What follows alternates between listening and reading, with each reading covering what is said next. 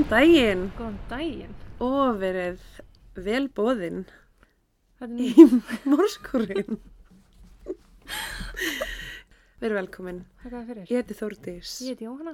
og við erum mættir aftur Loksins! eftir mjög, mjög óskemmtilegar tvær vikur í fríi. Já, Þórdís sendi mig í sótkví og endaði sjálf í einogrun. og ég horfði á 40 þætt á Lofaland. Herði já, ég var enda búin með það áður af því ég bjóst ekki alveg við því að fara í sókví en ég er búin að horfa á Veronika Mars. Það er eitthvað við þess að þætti að ég bara, ég er búin að sofa í sófanum og horfa á Veronika Mars í tól daga. Næs. Mm Það hljómar þetta grínlaust. Geggjað. Sko. geggjað en ég ætla að byrja út í dag mm, og ég ætla að fjalla um hana Metrís. Metrís Lavon Richardson fættist þann 20. apríl árið 1985 af Latís og Michael Richardson. Þau kynntust í mentaskóla og Latís varð ólétt á fyrsta ári í framhaldsskóla. Hún fókusaði á að gera gott líf fyrir dóttur sína og þá betra en hún hafði sjálf alist upp við. Hún lærði dag og nótt til þess að fá góður engunir, einmitt til þess að geta fengið góða vinnu til að sjá fyrir dóttur sinni. Móður hennar, Mildred, hjálpaði til með barnið svo fóldra hennar gætu unnið. Michael var að ströggla en hann vann fyrir skyndibjöðakeðju og gæti varla haldið sér uppi með slík laun. Hann hafði áður verið viðriðin í undirheimunum og er sagður hafa selt marihuana hér og þar til þess að ná endum saman. Þegar hann varð meira meðvitaður um hversu auðvelt að var að fá pening fyrir ólega sölu þá kom hann sér fljótlega í stöðu sem erfitt var að koma sér úr. Hann byrjaði að vinna verkefni fyrir dópkonga sem skilaði honum fangelsisvist í átta ár árið 1989 þegar Mitrís var fjögur ára gömul. Æ. Mm. Á endanum var hann færður í fangelsi með minni öryggiskerslu en í raun sérst, fangar þurfa að láta færa sig yfir í minni öryggiskerslu til þess að geta fengið reynslulegst. Og þeir sem að verða ekki Já. færður ekki treyst til að fara í svoleiðis, þeir getur hann ekki fengið reynslulegst. Já, ok, þannig að þú farið ekki reynslulaust, þú ert í max. Nei, en hann var færður hérna yfir og árið 93 fekk hann að lokum reynslulaust en að honum ómeðvituðum þá beði Latís ekki eftir honum. Æ. Á þessum tíma, á meðan hann var í fangelsi, þá hafði hún kynst Larry Sutton en þau giftu sig og varð hann því stjúpfaðir hennar Mitrís. Mitrís var af afrískum amerískum uppruna og á þessum tíma var ekki alveg allt í blóma millir minni hlutahópa í Ameríku og lauruglunar er og er ekki enn. Það var allt brjálað út af myndbarsaupptöku af fjórum lauruglumönnum í Los Angeles sem að réðust að Rodney King Oh. þar sem að eftir fyrir lauruglátt sér stað en Rodney var sérst teisaður og barður með kilvum. Um, þetta var slemt nú þegar og ágrunningurum var mjög mikill í kjölfarið. Réttarhöldin enduðu í slagsmálum en það voru fjóri ákærðir sérst af lauruglunni. Mm. Þrjár af þessum kærum fóru gegn en kviðdómur náðu ekki að komast að niðurstöðu svo þau voru feld niður. Á nokkru tímum myndaðist bara óeirð sem að endist í sex daga og endaði með að 63 manns leti lífið og aðrir 2373 slösuðust. Það stoppaði ekki fyrir en herin mættu svæðið og hjálpaði laurugluna að stemma stegu við ofbeldið sem gekk á milli hópuna og að lokum voru tveir af þessum fjórum lauruglumennum dæmdir í fangilsi og Rodney fekk 8 miljón dólara í bætur. Mhm. En þetta er sérst bara eitt af miljón af þessum málum Mhm. sem að er að gerast og við erum ennþá að sjá þetta í dag 2021 Mhm. sko. Í kjölfarið af þessum óerðum þá ákveðu Latís og Larry að koma sér burt og fluttu til San Gabriel Valley í Covina sem er tæpa 35 km austur af miðbæ Los Angeles. Þau sést bara flutti útkverfin. Já. Já, þau vildi ekki vera beint í miðjum mótmælunum Mhm. og öllu sem var í gangi. Í þessum bæ byggum 48.000 manns á þeim tíma og það voru sérst 98,9% hvítir Já, ok. og 1,1% af öðrum uppruna. Kovína var góð breyting fyrir fjölskylduna og þeim líkaði vel þar. Latís opnaði málflutningsstofu og elskaði bara nýja lífi sitt. Fyrir utan það að vera efnileg ung kona, þá gaf hún alltaf 100% allt sem að skila henni þeim árangri sem hún hafði áorkað. Hún kendi með trís einnig að hún getur gert allt sem hún vil, hún þarf bara að leggja sér fram til þess að ná þeim markmiðum sem hún setur sér því ekkert í lífinu er frítt en það er heldur ekkert ómögulegt. Nei. Með trís held sér frá vandræðum og þegar hún fór yfir strikið þá let mamminar hana mæta í skólan í samfesting og hnéháum sokkum. En með því var hún að, sérst, kennin að taka ábyrð á gjörðu sinum. Það var sérst bara, ég veit ekki hvort það átti að vera nýðilæng eða hvað, en þetta var bara, hennar skammakrókur var að hún þurfti að mæta í þessu í skólan. Þú veist, ég veit ekki hvort það var eitthvað fullan Pokémon búningur eða þú veist, hvað. Ég veit ekki hvað mér finnst um þetta. Þetta er einhver, allan einhver ákveðin refsing og ákveðin uppelsleið. Virka hún? Ég get ekki spurt hana. Þegar Mitrís var í skóla fekk hún háarengunir og stóð sig með príði. Hún var ekki bara heilinn, heldur lærði hún einnig fljótt að nota líkama sinn í allskins íþróttir sem á endanum leitan í að verða klappstýra. Það elskaði hún og var einnig að keppa mikið í því fægi. Hún elskaði einnig að dansa og samkvæmt vinum sínum á vandamönnum þá þótt henni alls ekki leiðilegt að stíga úr svið. En hún var gáfið, uh, naut þess að stunda hreyfingu og var mjög áhugaðsum að hanga með vinum sínum. Það voru samt sem áður hlutir sem hún bara fílaði alls ekki, meðal annars garðirkja eða vera út í náttúrunni. Uh, hún var líklega svo típa sem að fer ekki útilegur nema að leiði sér hótelherbyggi til hliðar. Eins og önnur sem ég þekki. Já. Uh, hún fjall fyrir sálfræði og öllu því í kring og það er mikinn áhuga að skoða útskýringar og kenningar á því hvers vegna við hugsum eins og við gerum. Hún vildi finna svör af hverju við hegðum okkur svona og væri raun bara að reyna að finna sjálfa sig á saman tíma. Mm.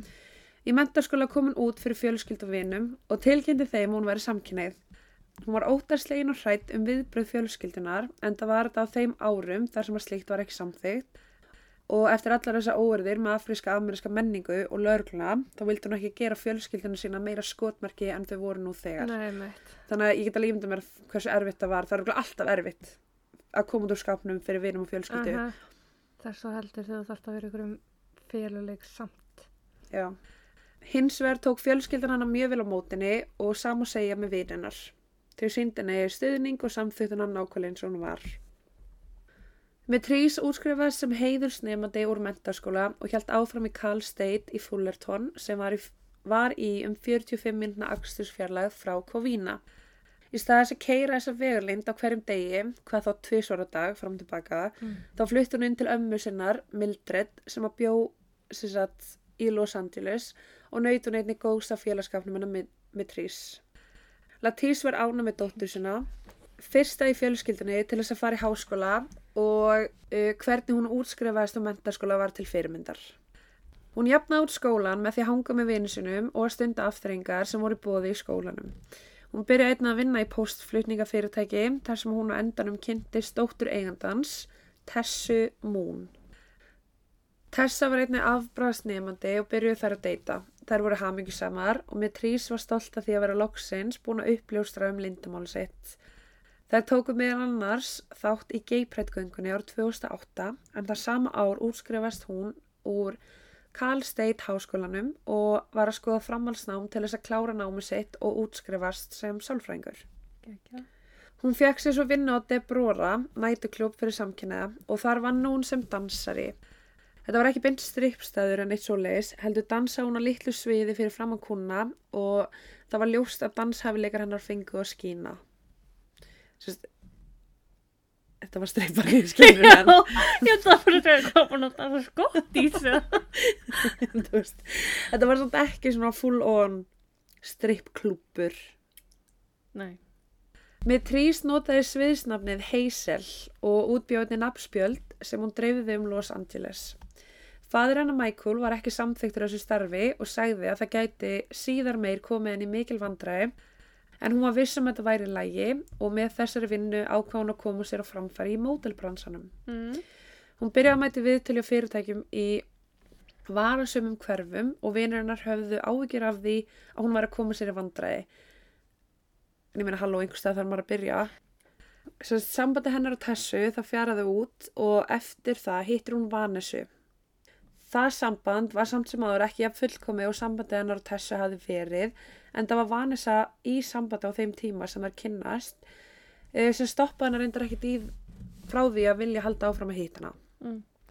Á þessum tíma var með trís að mæta í partí hjá Playboy Mansion sem gestamódel. Um, hún var mikinn áhuga á reggi dans og var að taka þátt í danskeppnum í Hollywood. sem að skila henni meðal annars 500 dólarum í verðlun Mm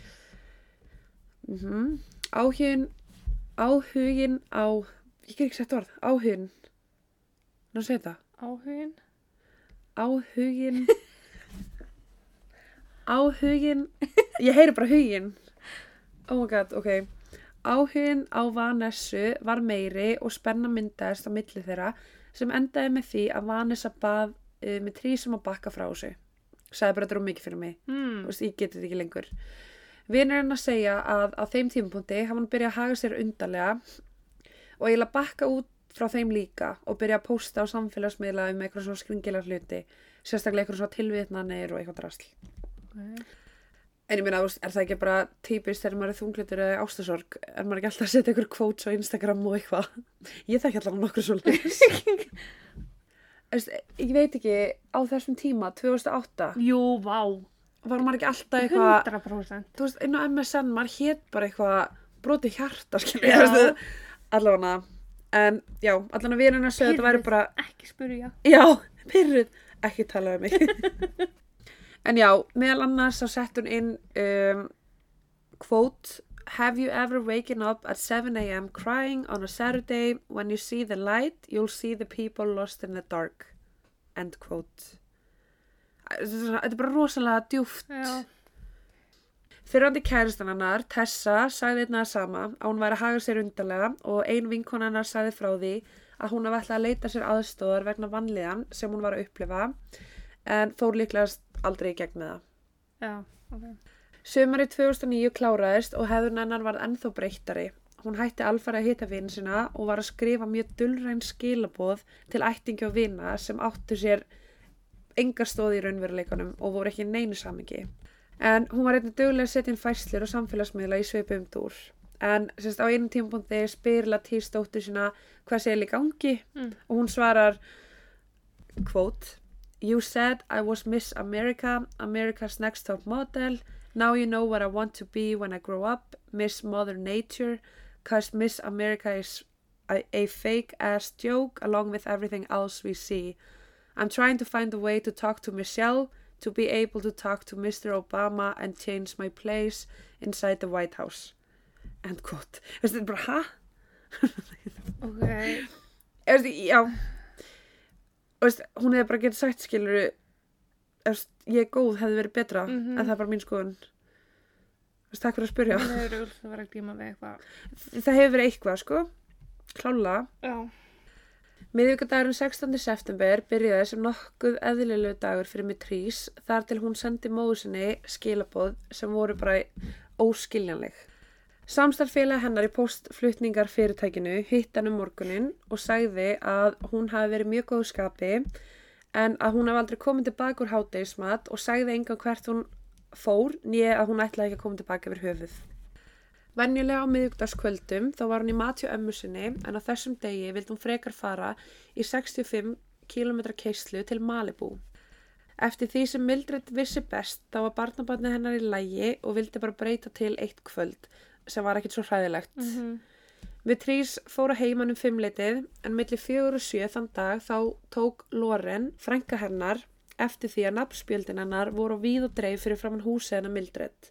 Sérst eins og hún hafi bara dreift öll nafnspjöldunum sínum frá vinnustæðum sínum. Ok. Hún vissi þá að Mitrís hafi komið heim eftir vinnu og skilið þau þar eftir en gati ekki sagt til um hvenar það var og þá hvers vegna þau lágu þarna. Ofan að það var einnig handskrifa bref undir rúðuþurkunni á bylnum hjá eigimanni Loren með skriftin hennar Mitrís en innihald brefsins var raun óskiljanlegt. Sérst, framan á blaðinu var bróskall og inn í blaðinu stóð uh, I Uncle Johnny slash Jimmy og svo stóð uh, Black Woman Scorned. Ok. Já, og Loren var ekkit viss hvað hún ætti að lesa úr þessum skilabóðum og hugsaði bara, ok, þetta er eitthvað bull. Já. Þetta var sérst skriftin hennar Mitrís. Ok. Og það er ekki að tala um hver Jimmy er. Nei. En sérst, Uncle Johnny er maðurinn hennar Loren. Slashed. Mm Og Black Woman Scorned. Mitrís kom til Malibu um sjöleitið og hafði nægan tíma til að sjá sólsetrið. Eftir það fór hún aftur í 98 Honda Civic bílinn sinn og byrjaði að keira að veitingastanum Jeffries. Sá staður er mjög fínn og dýr með góður umsagnir og geggja útsinni. Staður sem hún hafði aldrei komið á áður og ekki beint staður sem hún myndi velja sér að fyrrabræði. Mm.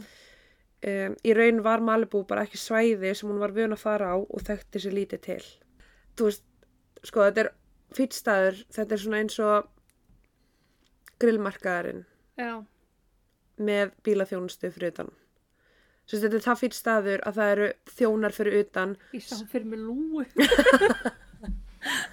Nei, Ég skil hvað þetta er núna, já. já. Svo að það eru bara þjónar fyrir utan sem sjá maður leggja bílniðinum Mhm. og bara keirir upp að læta fyrir leikluna til leggja. Já. Hún mætir á bílastæðið og er tjáð að, þjón, að þjónnin muni leggja bílnum undan og, svo, og komi svo að leggja hennar bíl og sem hún samþykti. En þegar hann kerði burtu með hinn bílinn þá fór hún úr sínu bíl og klifraði í vinnubílinn hans og settist þar. Þegar hann kom tilbaka þá spurði hann hvað hún væri að gera og hún sagði it's subliminal sem er sko nákvæmur, beittur, skarpur, hrjúfur Já, ég veit ekki í hvað samingi þetta er ok. en sérst, hún sagði bara it's subliminal og útskýrði að hún var að hefna fyrir dauða Michael Jackson á meðan hún var að fara í gegn geisladiskana hans í bílnum Ok, það er eitthvað meiri háttar í gangi með hana. já, það strax voru augljóst Já. sko Hún steig síðan úr bílnum og rétt hann um bíleikluna sína og gekk inn á veitingastæðin. Hún spurði hvort Vanessa væri á svæðinu, veit ekki hvers vegna, það er Mm. ekkert sagt til hvort Vanessa hafa verið að vinna þarna yfir höfuðu ekki. Og þjóttnin sagði afgræslitöminni að fylgjast vel með henni þegar henni var vísa til bors. Hún bað um borð fyrir einn og var leitin í miðjan salin. Hún stóð út úr en hún var klætt í Bob Marley ból, uh, vanskó, hún var með Rastafarian hatt Já, uh, fyrir þá sem veit ekki hvað það er þá er það basically bara svona Bob Marley hattur í svona litunum. Mhm. Sem Eh, bara gulur, rauður, græn. já, svona púffaður. Já, og hún var með bleikt belti utan um gallaböksunar en þetta var sérst bara staður í fýtningantunum og því ekki alveg gert ráð fyrir þessum klæðaburði þarna inni. Samt sem áður var hann ekki vísa frá sem ég erst bara geggjað af því Mhm. oft er bara dresskott inn á svona staði hún pantaði sér bláan kóktel sem kostaði 24 dólara og 65 dólara Kobe steak Hún sat ekki lengi ein en á meðan hún beigði eftir matnum þá stóð hún upp og settist hjá sjömanna fjölskyldu og byrjaði að spjalla við þau. Hún í raun, hún í raun bauð sjálfur sér á borðið þeirra og var að segja skrýtnar yfirlýsingar en hún sagði meðal hans frá því að hún væri frá annar plánitu og að móður hennar væri frá jörðu og talaði mikið um stjörnufræði. Þegar steikir hennar kom þá settist hún aftur við borðið sitt og átt matinn og fór svo aftur á borðið til fjölskyldunar. Um, eftir líklegast mjög óumbyggðu spjall þá ákveðu þau að borga matur sinn og fara. Á meðan þau er að týnast út var Mitrís að segja þeim að hún var á leiðinni til Hawaii og sagði þeim að hafa samband við sig þar en það voru þau sérst frá því svæði. Já. Hún byrja svo að ganga út með þeim en er stoppuð á vakstjórnum sem tjáur henni það að það eigi eftir að borga 85 dólar reikning. Það passar. Nei, 65 pluss 24. ok. Allavega það eftir að borga reikningin. Hún segir þeim að hann hafi verið greitur af fólkinu sem að var bara eitt rétt og þegar hún var spurð um hvernig hún ætlaði að borga þá sagði hún Wow, I'm busted. What are you going to do? Eitthvað í gangi hana. Það er eitthvað mikið í gangi hérna, sko. Vakstjórin og Mitrís uh, fóru fram og tilbaka með þessa umræðum hvernig borga ætti fyrir matinn og Mitrís djókaði meðal annars með það hvort hún geti borgað í blíðu. Haha. Já, hún sagði henni frá því að hún væri frá Mars, plánutunni, Já. tæmdi vasan sinn og sagðist ekki vera með neitt pening á sér. Vakstjórn hafði því samband við laurugluna og útskýrði að þau var viss um að hún væri á okkur fíknefnum að því hún væri hagað sem mjög undarlega eða hún væri í einhverju geðsræningu.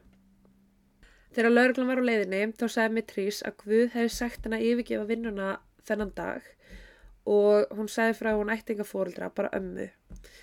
Vakstjórun hringdi því Mildred sem bauð henni kreditkort sitt til að greiða fyrir máltíðina en því miður var ekki hægt að taka mótið í símleiðis. Nú. Já, ég veit ekki, þetta er 2008, 2009. Þau voru ekki með svona til að stimplinn, það var bara, sérst, ég held að hafa verið með það að þau gátt ekki gert nema að hafa undskriftin annars. Ah. Annars var ekki þetta staðfesta greiðsluna. Um klukka nýju mætti þrýr laurugluþjónar á svæðið, þeir Frank Bauer, John McKay og Armando Luario. Eitt þeirra talaði við Mildred sem var enn í símanum áður en hann rétti með trí síman. Mildred sagði að þeir munu handtakana ef hún borgar ekki reikningin og með trí svarilega bara svona alls sama. Mm. Og var varla að hlusta á það sem ammana var að segja. Sist, hún var bara eitthvað, æ, amma, pff, hættu þessu. Oh. Þegar lauruglan var að leiða hana út þá sagði hún að veski hennar væri í bílnum svo eitt er að fór í bílinn en bara fann ekkert veski. Það var allt í rusli í bílnum, bref, bara út um allt og bara hlutir hér og þar. Mm. Það var bara ekkert sá hreinasti. Ég þekki einu svo Ég ætla ekki að segja orð. Lauruglan fann ekki veski hennar en þeir fundu aukuskirtinni og sérst lítið magn af Mariana. Í bílnum var einnig flaska af áfengi, næstum tóm, um, Ég man nú hann ekki, er það ekki löglegt í Kaliforníu? Það var það kannski ekki þá. Nei, það var ekki löglegt þá. Nei. Sagt, með Mariana það var ekki nóg til þess að handtaka hana. Nei, Einungis bara til að gefa henni sekt. já, það er eitthvað bara neyslu skamtur. Já. já. Það var, þú veist, þetta var eitthvað svona að þau var búið að taka af því. Starfsmenn staðarins ætlu, ætlu að bjóðast til þess að borga fyrir hana en hættu við því þeim fannst ástandi á henni ekki gott og hugsaðu að það væri líklegast bara best ef hún myndi fara på lögreglusti og láta rann af sér. Með trí... Það er samt lína á milli þess að einhver sé ölvaður eða í augljósu Mm bara geðrænu ástandi. Mm Með trís var fengin upp á lauruglustöð og fór þar í áfengispróf sem hún stóðst. Já. Hún var ekki undir áhrifum áfengis. Sjónin hana var skýr og púlsinn stöðugur. Hún sagði að hún væri ekki neinum livjum og væri ekki hrjáð af andlefum veikindum. Þegar hún var spurð hvað dró hana að þessum veitingarstað þá sagði hún að það hefði verið ljósið sem að leita náðungað. Vakstjórinn sagði að hún vildi ákæra hana fyrir þjófnað og því var hún einmitt tekin upp á Lost Hill lögreglustöðuna sem var um 25 km frá veitingastanum. Á svipum tíma ringdi móðurinnar í Lost Hill en Mildred hafði sérst ringt í dótt sína og sagt henni frá málsatvikum. Mm Uh, þegar Latís talaði við lögregluþjónin þá tjáðan henni að það var ekki búið að bóka inn á stöð og þau var á leiðinni með hann að þangað. Hún spurði hvenær hún fengi að losna uh, en það var Latís först heima með tíu ára gamalt bann -hmm. og vildi ekkert beint vera að gera sér ferða óþörfi ef að Mitrís myndi ekki losna fyrir daginn eftir. Mm -hmm. Lögregluþjónin sagði að Mitrís myndi ringi hana þegar hún kæmi nýr á stöð og, myndi, og að hún myndi þurfa að sofa þetta af sér upp á stöð svo Latís geti sótt hana strax í fyrramálið. Latís djókaði með að Mitrís var ekki kunnu svæðinu og hann langaði ekki að vakna daginn eftir með fréttir um að vera horfin eða hefði verið myrt. oh, Nú veitum við hvað þetta er að stafna. Þetta er svona, og hún er aldrei aftur að fara að djóka með þetta. Nei. Mitrís kom lóks á lauruglustöðuna og var sektuð fyrir Mari og annað og sérst ákjær fyrir þjófnað. Í skýrslunni, ótrúldan satt, það kom ekkert fram um að hegðun hennar hafi verið óvinnileg. Ekkert sem stóð um andlega heilsuna hennar á þessum tíma, ekkert sem að stóð um að hún hefði verið geðsræningu við maníu, Mm. bara bókstæla ekkert Já. og ástæða fyrir því er líklegast til þess að forðast pappirsvinnu. Af því að ef hún hefði verið skráðinn með andlegt vandamál, þá hefði þurft að færa hana í 72 tíma sjálfræðilegt mat upp á spítala. Á, þeim hætti því ekki. Þeir nefndi því ekki, þannig að ekkert af því var sérst gert. Ok. Sagat fæsli bókinni, þá ringdi hún fjögur símtöl þetta kvöldið en ekkert þeirra í móður sinna. Eina símanúmeri sem hún myndi var símanúmeri hennar Mildred, það var bara eina símanúmeri sem hún þekkti og kunni utan af. Já. Nokkri lauruglu þjónar tóka eftir því að hún var að tala við einhvern síman en Mildred fekk aldrei neitt símtal til sín og hafði ekkert heyrt í henni frá því á veitingastanum. Símin sem fangar fengar nota, uh, þar sem öll símtöl voru hljóðrituð, var bilaður og því fekk hún að nota síman inn á skrifstofinni og þar með var ekki að hlusta á við hvernig hún talaði þetta kvöld. Hvort hún var að tala við einhvern yfir höfuð eða bara sjálfa sig er bara óvitað. Já. Latís beið heima fyrir og þar sem Mitrís fekk ekki að losna út fyrir morgunin eftir það hafði litlar áhyggjur en það væri hún hverki örgarinn á lauruglustöðinu sjálfri.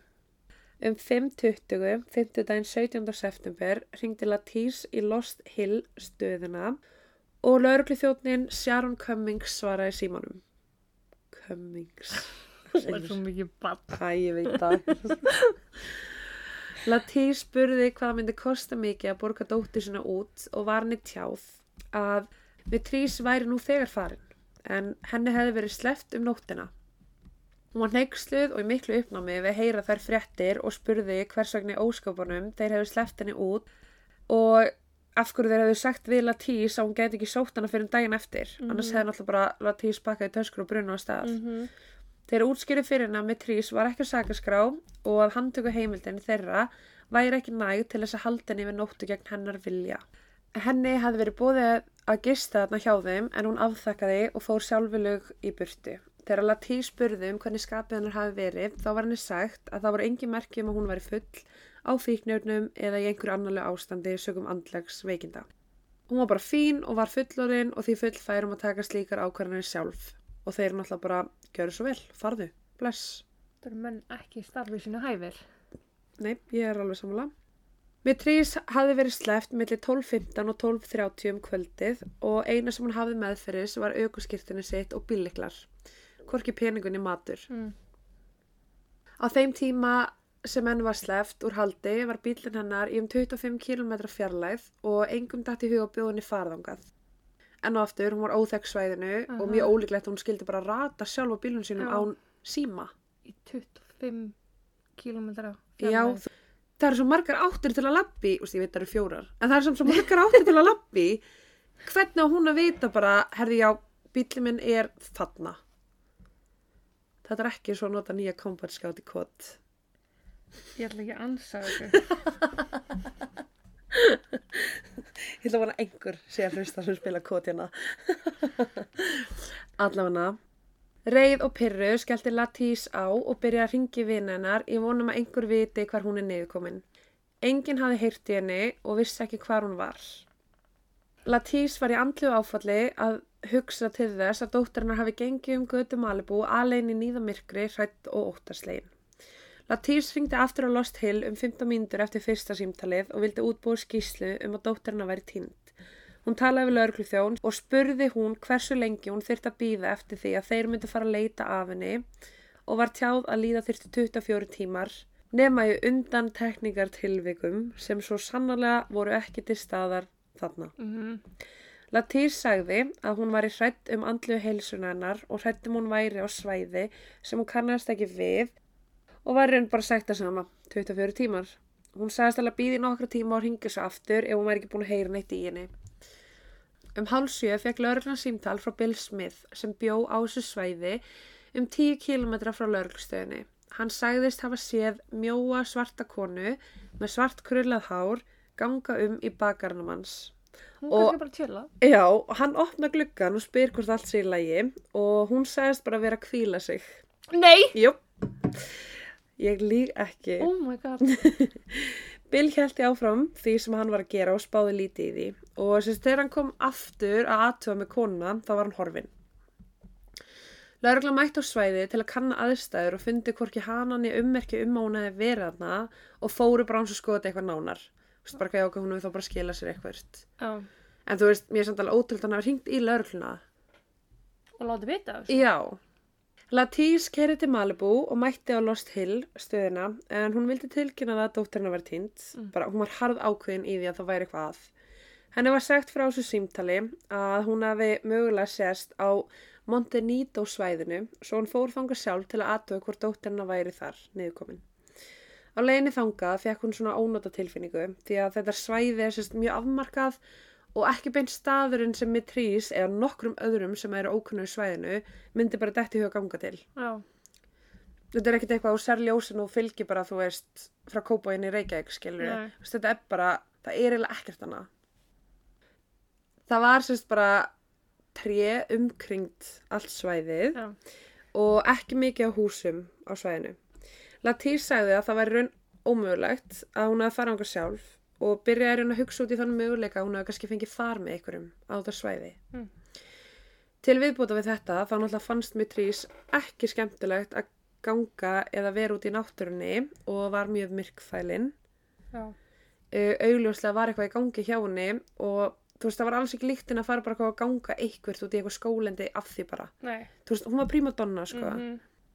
Fyrsta leitin af henni var gerð eftir að 48 tíma liði frá því hún hvarf en það var á laugadeinum 19. september.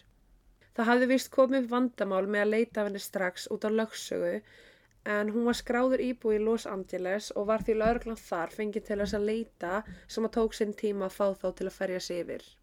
Þó svo að það hafi verið vita að hún týndist í Malibu. Já. Mikið svakalega það hallarislegt. Já.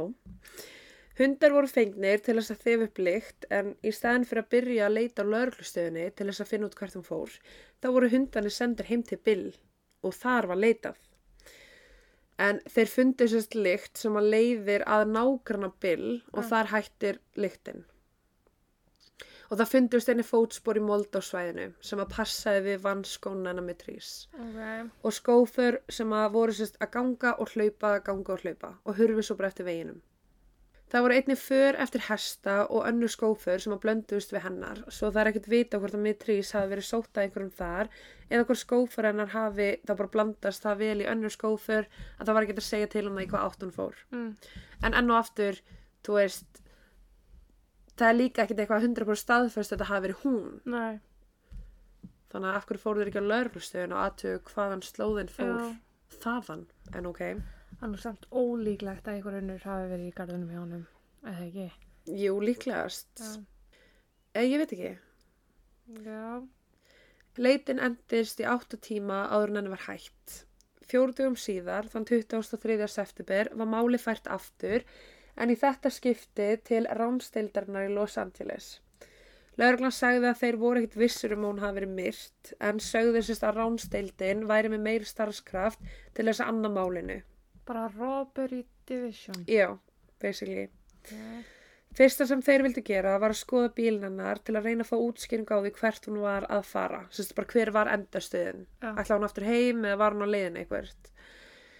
Uh, Lauruglan í Los Angeles, uh, þau fann síman hennar og veskið í bílnum, eitthvað sem hafði yfirsést Lost Hill lauruglunni Ó, frábært.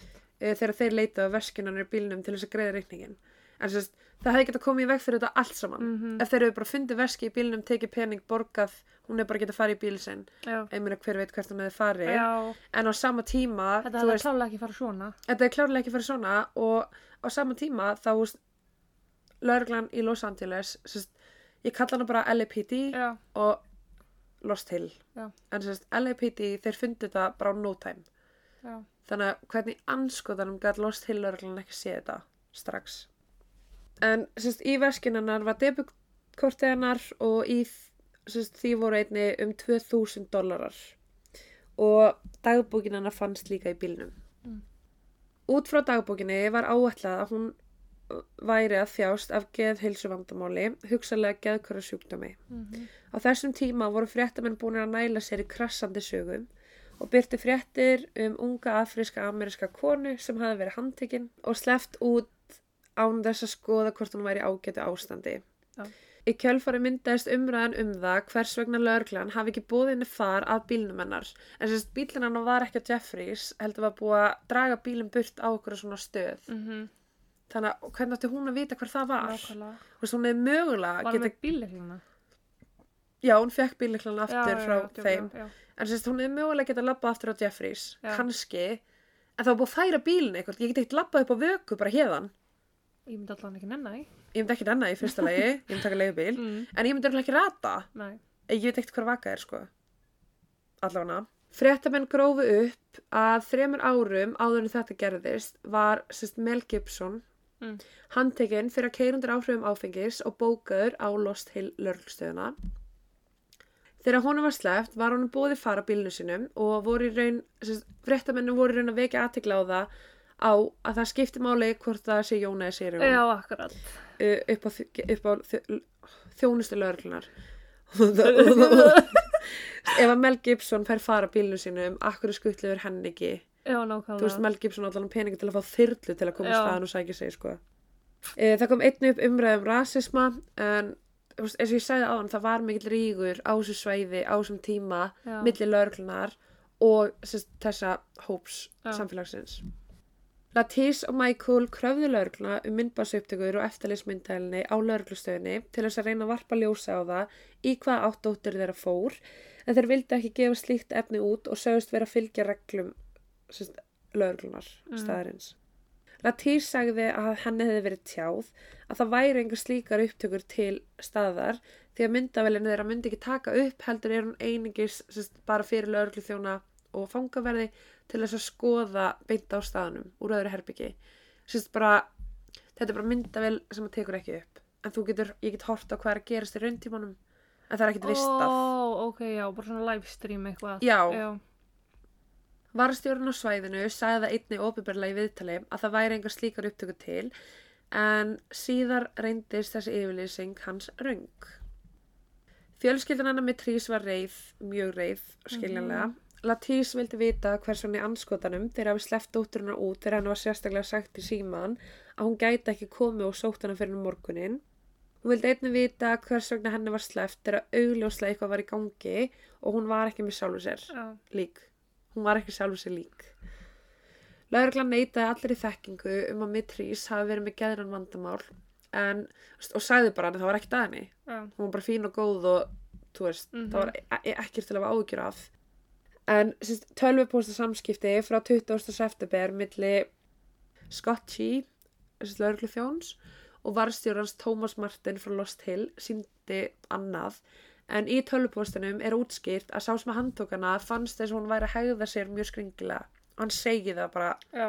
þar en sagt, Scott neitaði að hafa skrifað hann að tölvupóst og sagðist aldrei að tala við neitt sem var á staðnum um það hvernig hún var að haga sér og hann sagði einnig frá því að hún hefði verið edru og þar lindi var ekkert sérkjörlega sem þið fannst í farinnar já prump Já. Steve Whitmore, annað prump sem var það, kom einnig fram og sagði að Mitrís uh, virtist vera meðvitið um umhverfi sitt og var ekki ruggluð eða í neinu annarlegu ástandi. Þess að nú eru komni tveir aðilar ásar lögreglustöðu sem er að segja bara hei þú veist, það, var bara góð. Já, en ok, annarlegt ástand er, þú veist, oft ef þú ert undir áhrifum áfengis eða fíknefna eitthvað, getur verið að þeir hafa verið að meta það sem svo að því hún er edru að þá er ekkert að. Nei, þeir voru bara að segja að hún átti ekki við neinn gerðum vandamál að styrja. Já, en þú er að segja, er það viðmið þeirra? Nei, Þeir voru- tengdist ekkert áfengi. Nei. Þeir hugs... Þeir hugsu... Oh my god, heyrður það? Ég var ennþá að rópa mér Já, í fyrir að tala.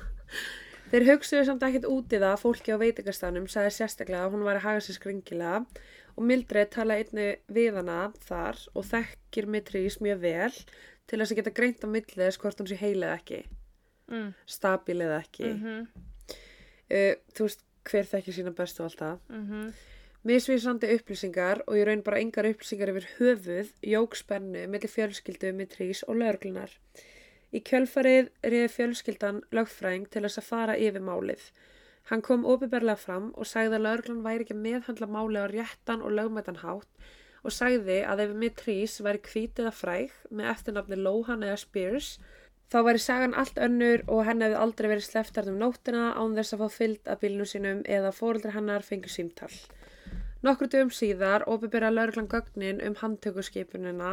Uh, í henni voru engar upplýsingar um að nokkur maður hafi efast um andlega heilsu varandi með trís. Ég, já, ég, ég, já, Ertu búin ákveða þig? ég bara, ég get ekki skilið Nei, að engum fannst þetta undarlegt, sko. nei, einmitt. Það eru sem hafa ekki nefnt.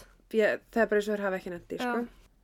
Nokkri mánuði liðu á meðan fjölskyldan var á svæðinu að hengja upp myndir af henni og tala við íbúa til þess að vekja aðtikla á því að með trís væri tínt. Nokkri mánuðir. Já. Ok. Rannsóknarteimi lauruglunar fekk fullt af vísbendingum sem leittu því miður ekki til neins. Þann 7. janúar árið 2010, fjóru mánuðum eftir hún hvarf, ákvaðu Latís, Loren Frænkaðera og varstjórin Martin og laurugluþjóðnin Baka að hittast á fundi. En sérst á þeim fundi spyr Loren um eftirlismyndalunar aftur og Martin segir að það séu til mynd, myndbars upptökur og reynir svona að leiða hjá sér að þær hafi áður spurt um þær með því að segja að það var miskilningur í gangi vegna þess að þær báðu sérst, um eftirlitsmyndalar uh, að utan byggingunar en ekki innan hús. Æ, góði. ég veist sem var bara bull og því að þær voru bara nei við báðum bara um eftirlis myndala við sögum aldrei þú veist á hvað svæði Nei, bara myndavélar frá okkur. okkur? allar ef þeir eru búði. já en á sama tíma fengu þær ekki að sjá neitt uh, vegna þess að þeir sögur rannsóknin væri bara ennþá ongoing og þeir gáttu þá ekki gefið neitt frá sér Hvers konar rannsókn? leitin af henni Mannskvarfs. já Já, ok. Þrejum dögum síðar, þann 9. januar, um, vann lauruglan í samstarfi með 250 leitaraðalum á samt hestum, fjörhjólum, hundum og þyrlum uh, að leita af henni, ég sagði það, og er þetta víðamesta leit sem gerð hefur verið í Los Angeles County í meirin 20 ár. Ok, en var hún svona mikil af því að þeir voru með pressu á sér að þeir syndu málun ítla fram að þessu eða að því að það var Ég held sé bara að því að það voru liðinu fjóru mánuðir og þeir ákveðu bara, þú veist, eitt skipti gefa fyrir því. öll, að bara Ok. gefa í og þá bara útiloka. Þrátt fyrir að hafa kempt svæðið með 16 km radíus frá staðinu sem Bill á heima, þá fundust engin ummerki um hana og því engur svara um hvað hann var niðurkomin. Já, Á þessum tíma var, var Latís mikið að koma fram í viðtölum og sagði að hún hefði ekki mikla væntingar fyrir því að dóttirinnar myndi finnast á lífi en Michael held þó enn í vonina. Stuttu eftir þessa leit var Michael að keira um í Las Vegas þegar hann var vissum að hafa séð hann að vinna sem vændiskonu á einu götuhorninu og sagði að hún hefði líklegast verið fengin í þessa vinnu í gegnum Playboy-setrið eftir hún fór í partí þar eða sérst í gegnum vinnunannar sem dansari. Hann kallaði á hana og hljópaði henni en hún hvarf inn í hópa fólki og hann náði ekki tala af henni. Og þar líkur þeirri sögu. Þann 29. mars, tæpum sex mánuðum eftir að hún hvarf, var fjölskyldan loksins fengið neyru stöð til þess að skoða upptökunar. Þau setti spurningu við hegðunarnar en hún heldur sérst í járnstangir í fangaklefunum á meðan hún sveifla sér fram og tilbaka En það er erfitt að segja til um það hvort það sé eitthvað andlegt eða hvort hann sé bara stressu yfir höfuð að vera í fangaklefa í fyrsta skipti. Fjölskyldan trúi því að þetta sé skrítin hegðun að hennar hálfu en laurugludeildin var ekki sammála. Með trís var síðan sleft kl. 12.28 og þá sést fangaverðurinn ganga með henni út um hurðina. Þegar hann kemur aftur inn um hurðina sést annar laurugluþjótt mæta honum og fara sérst út á eftir henni. En þetta er bara innandira þannig að þú serð ekki hvað átt hann fór, hvert hann fór, hvert hinn lauruglu fór, þjóttnin fór. nei, Fjölskyldinni hafði sérst áður verið sagt að engin laurugluþjótt var viðstættur það þegar hún fór á stöðunni og núna spurja þau sig hvort hann hafi séð eitthvað eða gefið henni far. En sérst, af hverju var sagt, þú veist bara hvað já, hún gekk út að sá það enginn. Og svo allir núna komin upptakaði þegar laurugluþjótt basically lappar með henni út. Já, og hann gæti ekki eins og hann var sér spurður út í að hann gæti ekki eins og sagt til um það í hvað átt hann fór, hvern hann fór. Þú veist það var bara eitthvað, nei ég sá ekki neitt. Þú ert að ganga eftir henn út sko já, mjög spes ég er með alla tilfinningar þar um þetta mál. þrýr mánu er í viðbót líða og í júni kemur vinur hennar með trís fram og segist hafa séð hana í Las Vegas um, hann sagðist hafa séð hana í spilavíti og þegar hann kallaði á hana var hún stressu og hljópi burtu Lauruglu teimi er því sendt til Las Vegas til að skoða það og í ofinbyrju viðtalið segja þeir að meira en 70% af fólki sem þeir töluðu við könnust við að hafa séð hana á þessu svæði. Þrátt fyrir þetta þá finna þeir ekki neina sem lítur út eins og hún og þannig að þeir snúa bara aftur heim og byrja byrjunaritt fann til Mhm. leitina. En þeir eru sérst komni með fylgta vitnur sem eru bara já ég hef séð hana, já, já ég hef séð hana. Allavega skrítið. Setna í þeim mánuði var leitateimi að hálfu Maurice de Bois. Faðir 14 ára Amber sem var rænt og myrt. Amber Alert. Sem fann skrítið vekkrót á Montenito svæðinu Veggjakróti var rasist gegn afrískum amerísku konum og nýlega málað. En sá sem að gerða það skildi líka eftir alla málingu og spreybrúsa bara á svæðinu. Það er svona bara gert í flýti. Já. Sumi trúa að það hafi verið málað daginn fyrir leitina en leitin var sérst bara mjög ofinber og vissu flestir að hún væri að fara að eiga sér stað. Það voru fjölmelar og... Já, og meðan aðri trúði að einhverjus vissu hvað er gerst fyrir Mitrís og setti þetta þarna upp sem hatur gegn konum að hennar uppruna. Já, En síðan bara málaði yfir vekkróti og ekkert kom úr því. En meiri tími leið og sagan hennar Mitrís byrjaði að fjara út og fréttamilegar höfðu ekki lengur áhuga á hennar. Tveimur mánuðum síðar, þann 9. ágúst, voru tveir landverðir að, að fara niður í gljúfur. En það er erfitt að ganga þarna um og það er ómögulegt nema að vera í bandi. Bara að síga. Já, og sérst vera fastur við einhvern annan því þetta er bara Ok. streit niður. Og þetta er alls ekki fyrir alla. Mm. Flesti sem fara á þetta svæði eru sérst bara að vilja dömpa rusli eða er að stunda ólulegt aðhafi. Landverðinni voru að klifra niður til þess að skoða ólulega marjuanaræktun sem hafi verið stöðvuð mánuðum áður. Á niðurför sjá þeir höfuðkúpu sem var með svart krullahár áfarst við sig og nálægt henni voru kvennmannsfutt. Líkamsleifarnar sem fundust voru staðfestar vera með Trís Richardson. Þeir komu sér úr gljúfrinu eins fljótt og er gátt og hringd á lögregluna. Fyrsti lögregluþjóðnin kom á svæðið um 80 myndum síðar eða um 1.20. En sérst lögin í Kaliforníu hveð á um að lögreglan þarf að hafa samband við réttaminnastofu strax og líkamsleifa finnast en að einhverju ástæðu var ekki haft samband við slíka stopnun fyrir um 2.58 meir en einum og hálfum tíma eftir að lögreglan mætti á svæðið. Ok. Það er basically bara um leið og þú fréttir eitthvað þá ertu að hringja strax. Já. Það er ekkert eitthvað, já við könnum þetta, skoðum þetta það er bara að þú hringir strax. Af því Þó ofta að sé tíðum, ekki staðfærst. já, Ok. þú veist, ég menn þetta voru bein. Já. Þannig að þó að sé ekki staðfyrst hvort sé dýrabein eða ekki, þeir sjáum þá rannsók. Mm. Þannig að svona coroner þarf að koma með eitthvað. Já. Ok. Þarf að mæta. Sjömanna teimi var fengi frá réttaminnastofunni en það var ekki örugt fyrir þá að fara niður þar sem að líki fannst. Ég meina eins og þessi landverðir þeir voru í bandi. Já. Uh, svo þeir voru sendir aftur til Lost Hill þar sem að það átti að flytja þá með þyrlu yfir og færa þá sérst niður í gljúfrið. Ok. Um 5.20 voru tveir lauruglumenn færðir á svæðið með þyrlu og meðan réttamennafræðingur og hans teimi var enn að býða eftir að fá að fara á svæðið. Tímar liðu og lauruglan tjáði þeim að þyrlan væri nótkunn að leita af tindum göngumanni og þeir þyrft að býða. Sérst þarna eru, Ekki, það sé svona hundraði hættinni að fara í þetta lík.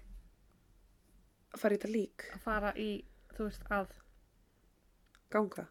nei, að þessi hundraði hættinni að þeir þurfa að komast að líkansleifanum. Já, Þannig að maður skilur það alveg að þyrlan hafi verið notuð í já lifandi. en það eru, það eru tveir lauruglumenn á svæðinu, Mm. þyrlan kemur og sækir tvoðara lauruglumenn í staðan fyrir að sækja réttamennafræðingin. Ó, ok, já. Já, Ítla séð, ok, já. af hverju, hverju þarftu fleiri lauruglumenn á svæðinu, af hverju ekki? Þú þarft meira, Mm já, akkurat, alveg þér. Um, Ed Winter, yfirmaður þess að tveggja manna teimis frá réttaminnastofinni, var spurðið hvort það væri ekki bara auðvildra ef laurugla myndi fá þyrluna til að færa líki til þeirra frekar en að ferja þá þanga niður. Sérst Já. okkur, akkur er, akkur er samt þyrlan laus í það en hún er ekki laus að ferja allavega. En hann þver tók fyrir það og sagði þeim vinsalast ekki snerta neitt. Mm Um nýju leitið gera þeir akkurat það, láta þyrluna ferja líki til þeirra án leifis og bara gegn lögum í Kaliforníu. Það er líka bara eitthvað réttur heldur annað Já, að það er svo margt sem er ekki hægt að nota já. akkurat út af þessu. Mm Vá, ok. Ég menna lögum, maður hlýtur að vita. Já. Það er líka bara ferla sem þú þarft að fara eftir. Já, þú veist það er bara, í fyrsta lagi þá er lögum flutt niður með þyrlu, Mhm. en ekki rétt að minnar, Frængurinn. já. Í öðru lagi þá er lögum hana ein með líkinu í um sex tíma, þú veist, bara býða að gera hvað. Mm. Og í þriðja lagi voru þeim vinsalest bænir um að snert ekki neitt og þeir vita hvernig lögin virka og þeir hlustuðu ekki á það og létu flytja líkið á lögstöðuna Já. með þyrlu. Prump. Var þarna orðið ljóst að það geti verið um að ræða lík með trís? Þeim fannst það mjög líklegt, já. Ok. Tæknideildin gat ekki mætt til þess að taka myndir af vettfangnum eða myndir af, af líkinu sjálfu í hvernig stöðu það var og allt slíkt sem fylgir þessu ferli. Landverðnir sem funda hana tóku, tóku samt myndir og sögðu frá því að hægri fótlegur fannst um sex fet upp í glúfrið frá því þar sem að líki fannst. Og sérst beini stóð úr kjötinu og það voru engi merkjum að dýr hafi komist í návíi við líkið. Það var sérst það var ennþá svona smá kjöt Já. utan á henni.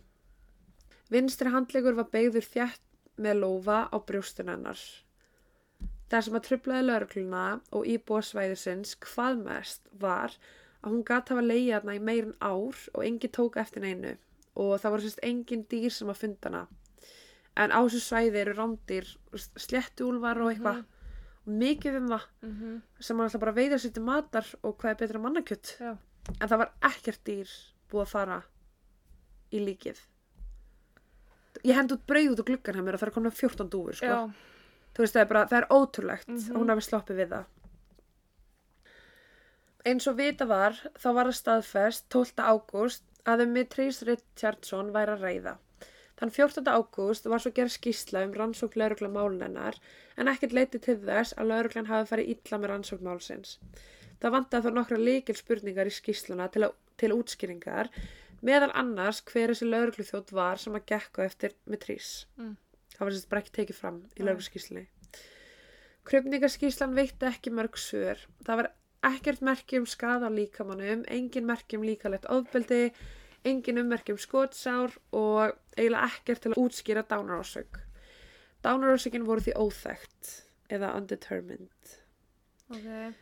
Með trís var nakin þegar hún fannst og lauruglan áætlaði að dýr hafi komist í hana.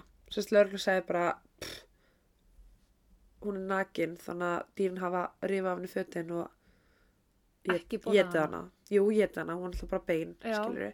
Það varst ekki að tala um að það hefði ekki komið. Jú, Ok. en sérst lauruglan sagði bara Já, já, já. það var þeirra útskýring.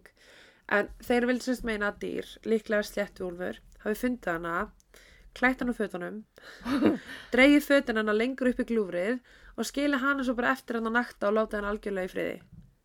Fundust fötin? Já, Já, ok. fötin fundust, sérst, partur af fötunum Já. fannst, sérst, ofar í glúr, glúfrinu. Ok. Og þeir eru sko bókstala, bókstala, bókstala sögðu að dýrin hafi bara klætt hann úr skóm og sokkum, uh, losa brjóstaraldaran, losa beltið, dreigja hann úr öllu að því að ef að dýr ræðist á fötin Já. þá myndi fötin líklegast vera með bitum og vera bara tætt, Aha. ekkert þannig. Þau voru alveg heil, Það rosalega Fötin. vandvirki sléttúlfar. einmitt. Nefnið að klæða mig úr eftir djám. Þú veist, ég er bara, hvað er að gera? Ég er búin að skemma mikið af fötum. Veist, og bara, þeir basically segja bara að þeir hafi sléttuúlfarnar hafi gert þetta á þess að býta hana líka, sko, það voru ekkert, engin för í beininu Nei, sem að hefðu 100% eitthvað. þú veist, ef, ef að hundur minn fær bein hann, Mhm. og með kjöti hann getur bæði, sko Já. en já, þeir sem segja hann hafi bara, þeir sléttuúlfarnar hafi gert þetta allt á þess að býta hana, hvorki óvartni viljandi ekki ráðist á hana þannig að hvers konar dýr er það sem drep ekki bráðuna sinna sem er nú þegar líka fyrir fram á Buksunarnar fundu 640 metra niður í glúfrunu en beltið var lengra 30 metra lengra en það. Ok. Okay. Það fannst ekki á sama svæði. Það sem fannst ekki á svæðinu voru sokkadarennar, nærbuksur, skór, bólur. Í rauninni eina sem fannst var belti, buksur og brjóstaldri. Ok. Sagt í mest kaltanasta tón efer en dýrin áttu bara fötin Já, hún mennar, ok. sér til matar. Það var svona, já, Létu hann að vera, já, ok. einmitt. Það var kannski fórréttur. Emitt, gæti verið. Óanæð með skort á svörum, öðrum en þeim sem voru gjössalega ófullnægjandi, ákalla Tís að ráða mannfræðing sem áður hafi unnið með FBI. Hún var neykslu á rannsóklauruglunar og ákvæðsist að fá þá í viðtal og fekk þau svör að þeir hafi fengið leifi til þess að fjarlæga líki af vettfangi og var sagt að þegar líki var lift, líkinu var lift upp þá var hauskupun áförst við önnu bein. Sérst það hafi bara verið heilu lægi. Mm Hins vegar, myndirna sem tekna voru landverunum sína að hauskopunina með trís var gjörsalega aðskilin og var sérst á kvolfi. Sérst hún lá niður. En einnig voru fimm af nakkabeinunum hennar sem fundust aldrei. Þannig að það er erfitt fyrir höfuðið að vera áfast ef nakkabeinin er ekki til staðar á hverju hjekk hún. Ég er ennþá að reyna að skilja höfuð snýri öfugt við skrokkin. Já. Uh -huh. Einmitt. Og þeir voru bara eitthvað, já, þú veist, þetta var allt í heilu lægi og bara, hér er allt, skilur við, en þú veist, nakkabeinin fundust ekki. Þá spyrir maður sér líka, ok, af hverju finnast ekki nakkabeinin, Mm en það kemur að því. Þegar fjallar um flutningin, þá fann hún einnig út að, þú veist, það var bara fárlegt að þeir skildu vera að kenna dýrum um þetta. Það var ekki sem bendi til þess að dýr hefur komist að ná við við hana. Já, ok. Fötin hennar voru skítug en óskemmt. Það var smá rið og rannilásnum á gallaböksunum og beltinu en föt- fötin hennar liti ekki út fyrir að leiðan í náttúrunni í 11 mánuði. Smith varstjóri gaf síður út ákveðna kenningu. Ef að dýr fjarlæði ekki fötin hennar, þá var það gljúfrið sem að gerði það. Jöp, hann sagði gljúfrið, gljúfrið, hann sagðist að það hefði risið 60 fett og þar leiðandi fjarlægt fötin hennar og gert það að verkum að fötin hennar voru eftir niðri og hún liftist upp. En það var samt ekkert að myndast þarna, sko. Öxi stækkar ekki allt í hennu bara hér og þar, sko. Þetta er ekki lífandi, Ég er að reyna, Ég er að reyna að meðtaka þessar upplýsing. Já, ok. ég veist, þetta er bara, þetta er svo, ó, þetta er svo, ó, þetta er svo fjárstæðukent. Ég skil ekki, skil ekki. Góð kenning. Mjög. Einnig voru spurningar með líkasleifarnar sem fundust en sérst, líki var eiginlega rótnað og e, það var svona semirótnað og leita eiginlega ekki út fyrir að hafa leiðan í 11 mánu. Svo ef svo var, um, en ef svo hefði verið, Mm. þá ætti ekki að vera neitt vefur eða húða eftir. Nei. En það var sérst ennþá til staðar. Og líka í þessum hita. Ég er að segja það, sólinn skína á þetta, það er alltaf að tala um, þú veist, exposure to elements Já. of nature. Uh -huh. að þ- þú veist, þetta ætti að vera bara bein Já. en hún var ennþá með Hitin einn og sér flýtir fyrir já, ferlinu, sko. nákvæmlega svo ef þú ert með nakta konu mögulega andlega veika sem fannst þremur kílómetrum frá því þar sem hún sá síðast mm. -hmm. lörglustöðinni, þetta gljúfur var bara hinn megin við Mannfræðingur komst einnig að þeirri niðurstöðum að þetta mál ætti að vera rannsaka sem manndráp og vettvangurinn hefði átt að vera miðhöndlega sem slíkt mál. Mm En lögreglu þjóttnin Bakka sagði að það var ekkert sem bendi til þess að eitthvað sagnamt hefði átt sér stað. Krupningaskíslan var líka með ósvaraða spurningar. En það var ekki allt rannsakað sem átti að gera. Til dæmis var ekki skoða hárið hennar. Uh, sumt hár var áfast við höfukúpuna og annað hár fannst í grendinni. Spurning var hvort það hafi verið tókað úr, klift úr eða hvort það hafi yfir höfuð verið hárið hennar sem að láða þarna hjá. Ég ætla rétt að búna það. Sko, út af því að í hárunu sem láfi hliðin á, eða nálægt, var, sérst, þetta var bara svona kruðli Já. og í því var eyrnalokkur sem fannst, sérst, þar í, en hún var ekki með þessa eyrnalokka á sér þegar hún var tekin inn á lauruglustöðuna og fjölskyldan hann kannast ekki við þennan eyrnalokk. Þannig, en það var ekkert skoða nánar. En þú ert alltaf með, þú veist, hár á svæðinu sem er með einhvern eyrnalokki sem hún á ekki. Já. Það þarf að kanna það betur. það, já, það þarf að kanna það sko betur og gott betur en það. Já. Fötin hana voru einnig ekki skoður nánar og ekki var leitað að þráðum eða utan að komandi hárum. Uh, einnig var svæðið ekkert skoðað og ekkert tekið inn til greiningar. Ekki var leitað að reyna blóði á svæðinu og þegar fötin hana kom inn á borlæknisins þá voru þau öll kruðlu upp með líkamsleifunum. Þau voru ekki sett í aðskilin póka. Oh. Koff, sagt mannfrægnum, Mm. Uh, hún fannst einnig svo tönnin hennar hefði verið bleik og litin en þegar þær, eru bleikar, tennirnar, Já. þá benda það til þess að um kyrkingu hafi verið að ræða. What? Ég sagði Já. Uh, en hálsbeinin eru sérst nöðsynlega til þess að skoða nánar og þau fundust ekki. Ah, það eru beinin hérna sem maður veit. Jep. Ok. Uh Og þau fundust ekki en hún bleika tennur Já. sem að bendi mjög mikið til þess að hún hefði verið kyrt. Í desember árið 2010 settist Latís niður með laurugludeildinni og baði um að líkamsleifarnar væri skoðaðar aftur og þá af allríkis lauruglunni. Já, Baka samþykti það og Koff hafði á einhvern hátt náðu að samfæra hann pínulítið um að það gæti verið meiri í þessari sögu heldur en bara slís eða óhapp. Já. Baka sagðist að var hringt í all, allríkislaurugluna og fengi samþykki fyrir því að krifja með trís en síðan rindist þetta ránt og allríkislauruglan var ekki inn í þessum málum og í raun samþykti aldrei að krifja hana. Þannig að ekkert varð á því. Ok. Þar. Tæpum sjö mánuðum síðar, í júli árið 2011, var líki hennar með trís krufið hjá rannsóknastofu í Los Angeles. Latís var ánægð með að fá þessu loksis framgengt og vonaðist til að fá betri upplýsingar í þetta skiptið. Krufningi þar hins var liti í raun þar sama, óþekkt dánarósök og Latís var ekki sátt. Fóldrænar lögðu fram ákjæru og hendur lauruglunar í Los Angeles, sérst út af rannsókninni. Við erum búin að fjalla um svo mörg mál Já. það sem að LAPD er kært. uh og þeir eru örgulega mjög fleiri sko. Já. Og meðan beðið var eftir réttarhöldum þá lágu upplýsingar um sannleikan út. Með yfirlýsingum þá vissu margir lögreglumenn að hún væri að þjásta einhvers konar geðvanda þegar hún var handtekinn og ef þeir hefðu fyllt almennum reglum þá hefði hún átt að vera send í 72 tíma geðmat. Mm Í ágústu sama ár samþýttu Latís og Michael bætur fyrir 450.000 dollara á mann en lögreglan viðkendi ekki nein mistök af þeirra hálfi. Þetta var bara settlement. Þetta var það sko Já. og út af, þú veist, út af að búið að leka eitthvað svona upplýsingum um málið að þá er svolítið erfitt að fara með réttarhöldin áfram Já. því þau eru raun bara ógild. Spilt, já. Já. Þegar síður var spurt um dauðunar, sagði Latís að magniða sársöka sem hún hefði upplifað væri óútskýranlegt. Uh, fjölskyldan ákvað að hafa samband við ríkisaksóknara í Kaliforníu og baða um að endur skoða laurugludeildina sem fóri við máliðinar. En það var sérst 500 blasina skýsla send til þeirra. Vá. Í november árið 2015 sagði ríkisaksóknari Kamala Harris Nei. já, að þau fundi enga ástæðu til að áætla misverðli lauruglu hefði átt sér stað. Æ.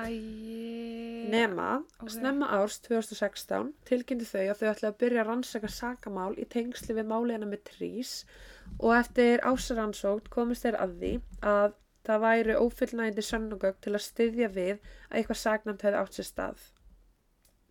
Útskýrt var að þrátt fyrir að hafa sönnugögg þá voru þau ekki næg og ekki nógu sterk og sangat lögum um fyrningu þá rann málið út árið 2014. Æ, almáttur. Ég er bara, ég er með óðnami fyrir fyrningu, ég hata fyrningu. Ángríms. En svo er líka það eins og með hérna Kamala Harris er að Michael, Mm. færunar, var til dæmis ógislega ósátti með það. Hún væri að nota þetta mál og mál dóttur sinnar til að koma sjálfur sér á framfæri hvað hún væri að gera mikla breytingar í samfélaginu. Sérst gagvart minn hluta hóp. Já, Jú, er Harris líka- er sem sagt að minni hluta hóp líka. Já, hún, já.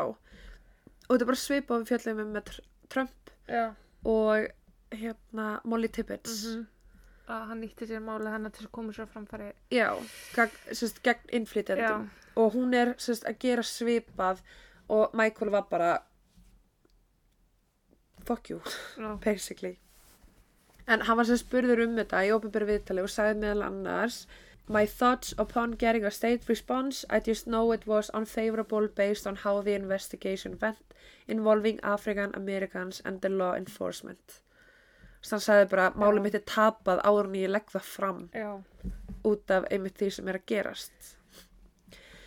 Eitt lauruglumæður var dæmdur í fangilsi en það var ekkert tengt með trís. Heldur var það fyrir misteyrumingu á fanga en það var sérst baka sem ég er mikið um að tala um. Mm. Hann sagði af sér í kjölfarið og var einnig kærður fyrir að hindra framgang réttvísunar og fekk þrjú ár í fangilsi.